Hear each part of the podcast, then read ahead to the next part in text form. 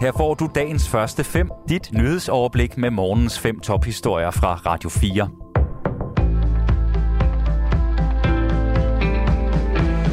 Det er den 7. juni, og jeg hedder Mathias Bunde. Premierminister Boris Johnson har vundet tillidsafstemningen, mens, men hans position vakler med et splittet parti. Det vurderer Ole Helmersen, der er lektor ved CBS med speciale i britisk politik. Hans problemer er, er bestemt ikke overstået øh, formelt jo, fordi han bliver, kan blive siddende, øh, men, øh, men reelt så sidder han og hans parti ikke mindst med øh, et voldsomt problem fordi de skal jo de skal, hvis man sige, imødekomme og imødegå de næste to år, inden der formentlig to år, cirka to år inden der skal være parlamentsvalg, øh, som et splittet parti simpelthen. Der var omkring 40 procent af premierministerens partimedlemmer i det britiske konservative parti, som ved tillidsafstemningen i går ikke bakkede premierministeren op. Og det kan vise sig at blive et af hans største fremtidige problemer, vurderer Helmersen. Så kan han selvfølgelig komme ud for i nogle tilfælde, at de vil Øh, hvad sige, opføre sig mere aggressivt i parlamentet, og måske øh, stille nogle krav til ham om lovgivning, og måske også stemme imod ham i nogle, i nogle øh, sager. Der var 211 parlamentsmedlemmer, der støttede Boris Johnson, mens 148 stemte imod, at han kunne fortsætte som partiformand og premierminister. I dag begynder de afsluttende forhandlinger om kommunernes økonomi til næste år. Og forud for forhandlingerne, der opfordrer formand for kommunernes landsforening Martin Dam, at regeringen vil give flere penge, ellers bliver velfærden ringere ude hos borgerne. Regeringen siger jo, at det skal blive en stram økonomiaftale, fordi øh, pengene de er ligesom brugt øh, til, til forsvar og, og, og noget demografi. Og, og de har ikke mange penge tilbage, siger de. Øh, og hvis det er det scenarie, vi skal ind i, så skal vi jo have øh, lavet en aftale, hvor det klart fremgår, at, at det er den opgave, at regeringen vil sende kommunerne på, altså at spænde livremmen ind til, til næste år.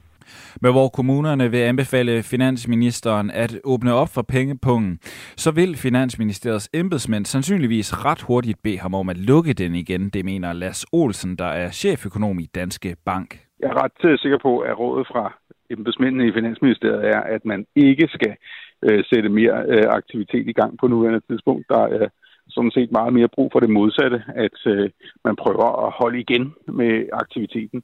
Finansministeren har ikke ønsket at kommentere forud for forhandlingerne.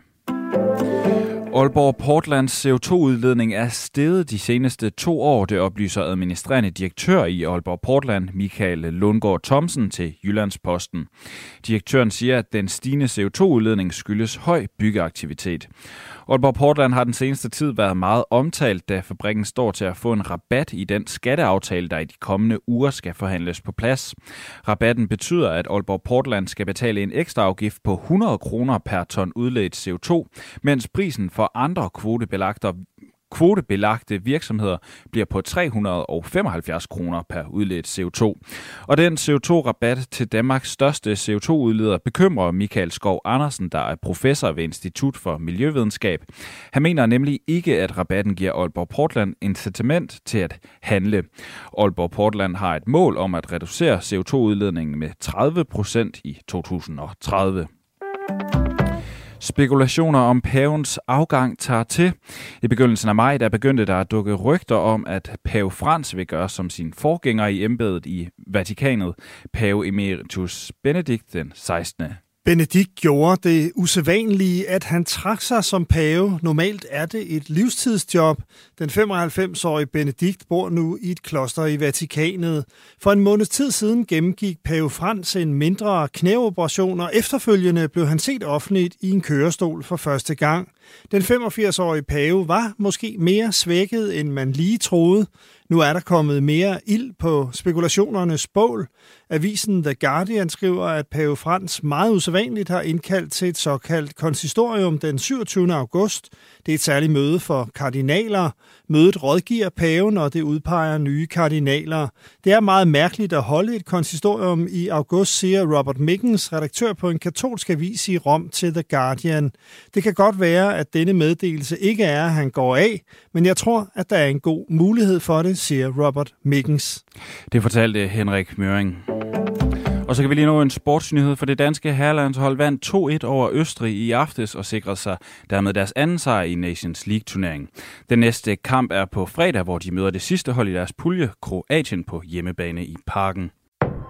Dagens første fem er tilbage igen i morgen tidlig. Hvis du har brug for en nyhedsopdatering inden da, kan du altid fange os i radioen, på nettet og i vores app.